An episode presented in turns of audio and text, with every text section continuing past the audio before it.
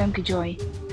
En ik vertel jullie in deze podcast over gebeurtenissen die ik heb meegemaakt, die me altijd weer dichter bij mezelf brachten. Die me lieten herinneren wie ik ben. En die me ook lieten zien dat ik nooit alleen ben. Ik wil je een verhaal vertellen over synchroniciteit. Over groot verlies. En ook over het moment waarop ik me nog maar eens weer te meer besefte dat ik nooit alleen was. Um, toen ik 17 was, verloor ik mijn zusje. Um, zij fietste naar huis en zij um, werd geschept door een vrachtwagen. En dat heeft natuurlijk mijn hele leven enorm op zijn kop gezet. Nou, op zo'n moment is het alleen maar heel erg heftig en lastig. Uh, ik heb er al vaker over verteld. Maar deze herinnering die ik nu met jullie wil delen, uh, dit verhaal wat ik nu met jullie wil delen, gaat over vele jaren later. Uh, ik ben in Barcelona samen met mijn moeder. En uh, nou, zij verloor haar dochter, ik verloor mijn zusje. En op de sterfdag van mijn zusje zijn wij een lang weekend in Spanje. En op 13 oktober, de dag dat Anouk overleed, hebben we gepland om naar de Sagrada Familia te gaan. Nou, die ochtend lopen wij um, richting de Sagrada Familia. We zitten ergens in een buitenwijk. En um, nou, midden, we lopen over de Ramblas richting de metro om naar de Sagrada Familia te gaan. En um, er komen twee mannen aanlopen. Eentje met een enorme contrabas, de ander met een gitaar. En onze wegen kruisen letterlijk. En zij houden in en laten ons heel galant voorgaan. En met zo'n handgebaar van kom maar, uh, ga maar voor. Dus uh, nou, wij moesten lachen. Hun lachten naar ons en zeiden dankjewel. En uh, nou, wij lopen voorbij. En um, nou, wij gaan naar de Sagrada Familia. Mooie momenten, prachtige kerk, enorm bouwwerk. En binnen vooral heel erg verbaasd en, en verwonderd over de enorme kleuren die Gaudi daar gebruikt heeft om, om die kerk aan te kleden. En s'avonds gaan wij terug uh, richting het centrum van Barcelona, waar wij met de, weer een bus moesten gaan pakken en, en een tram. En uh, nou, we gaan in ieder geval weer terug. En we hadden in één keer enorm veel zin in churros. En ik wist dat in het centrum, bij, in de buurt van de Ramblas, daar was een, ja, de, de, oudste churrosbakkerij. Ehm, dus wij dachten, nou, dan gaan we daar lekker naartoe. Gaan we als toetje nog even churros eten. Um, nou, eenmaal daar aangekomen was de bakkerij al dicht. Waren we te laat, echt de rolluiken gingen voor ons neus dicht. Dus toen dachten we, hè, jammer. En uh, nou zijn we helemaal hier naartoe gegaan, terwijl het hotel echt heel erg anders was. En toen zijn we een beetje gaan rondzwerven in die wijk. En uh, nou, een steegje naar links en een pleintje rechts. Ik weet niet of je wel eens in Barcelona bent geweest, maar het is echt een... Uh, adembenemende pleintje na het andere adembenemende uitzicht. En vooral in het donker met al die lichtjes. En, nou, ik vind het echt uh, geweldig. En in één keer horen we ergens muziek vandaan komen. Dus mijn moeder en ik besluiten om de tonen te volgen, de melodie te volgen. En we komen op een, uh, op een plein uit, mensen op het terras. Um, en er staan twee mannen muziek te maken. Je raadt het al. Natuurlijk staat daar die man met zijn contrabas en de andere man met zijn gitaar.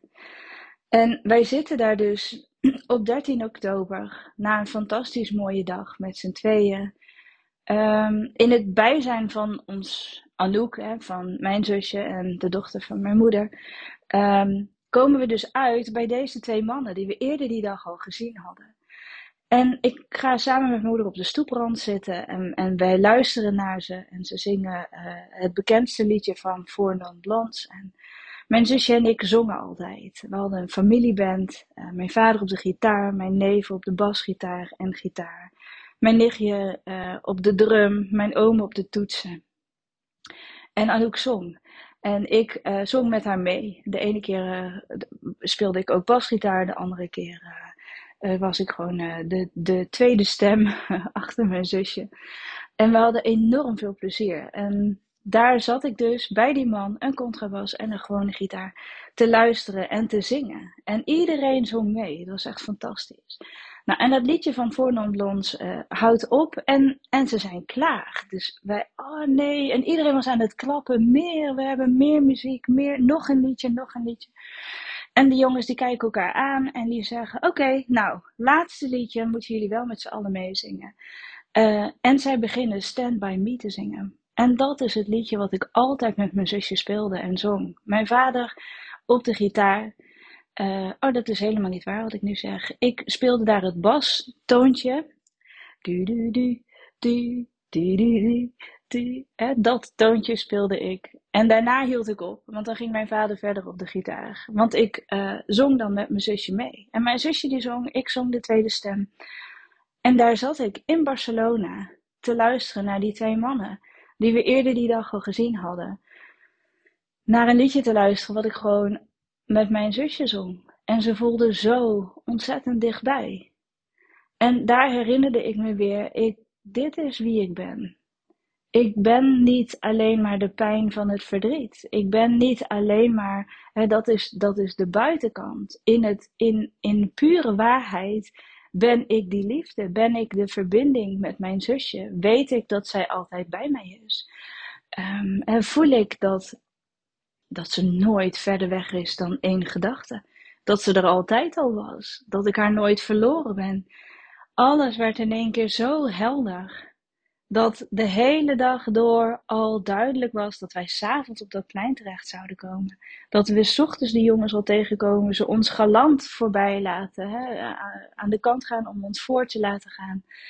Uh, wij de hele dag genieten van uh, mooie gesprekken met elkaar, uh, mooie inzichten die we gehad hebben in de afgelopen jaren. genoten hebben van het eten, van het Spaanse eten, de schoonheid van Gaudi's werk. Um, daarna um, besluiten churros te gaan eten in een tentje wat al lang dicht was. En waar was die churros tent open geweest, hadden we de muziek gemist. Um, dus wat me ook weer zo eens te meer duidelijk werd, is de synchroniciteit van het geheel.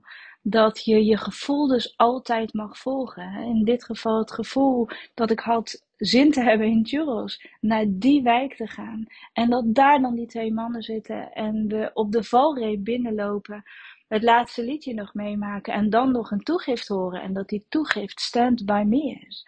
Waarin hij zingt, um, als het donker is, als de nacht donker is, dan ben ik niet bang, want ik weet dat jij bij mij bent. You'll stand by me. En dat, ja, Weet je, dan denk ik, wij zijn niet alleen, dan voel ik, wij zijn niet alleen en dan weet ik, wij zijn niet alleen. We kunnen niet alles zien. Ik kan niet zien wie er om mij heen staan. Aan mijn zusje of aan anderen die ons helpen in dit leven. Ik voel me zo ontzettend gedragen, beschermd en ik voel me zo geliefd. En dat is, ja, dat is wat we allemaal mogen weten. We hebben allemaal een team om ons heen staan, wat ons beschermt, wat van ons houdt, wat ons soms behoedt voor pijn, wat ons ook helpt door pijn heen. En weet je, het leven gaat niet pijnloos of probleemloos aan ons voorbij. We krijgen um, ja, dingen op ons pad die ons uitdagen en uitnodigen. Maar we doen het nooit alleen. En dat is wat ik jullie met dit verhaal wilde vertellen. Dat het me weer herinnert aan wie ik ben. En dat het me nogmaals herinnert aan dat ik het nooit alleen hoef te doen. En dat geldt voor ons allemaal. Ik hoop dat je genoten hebt van deze podcast. Van dit verhaal over synchroniciteit. Over liefde. Over het verlies van mijn zusje en het hervinden van het contact met haar. Over de bijzondere band die ik heb met mijn moeder Hè, waarin we helse pijnen hebben doorstaan, mag ik wel zeggen. Um, maar waarin we zo ontzettend gegroeid zijn en zoveel hebben meegemaakt met elkaar. Een verhaal over, ja, echt over de liefde. In de breedste en in de grootste zin van het woord. Vond je het een mooie podcast? Deel hem dan met mensen waarvan je denkt dat ze hem ook mooi vinden. En wil je erop reageren? Zoek me dan op op de socials. Op Praktijk Femke Joy. Op Instagram of op Facebook. Uh, of via mijn website www.femkejoy.nl. mail me, stuur me een app als je dat wil. ik vind het altijd heel erg fijn om hierover in gesprek te zijn. Nog een hele fijne dag en veel liefs.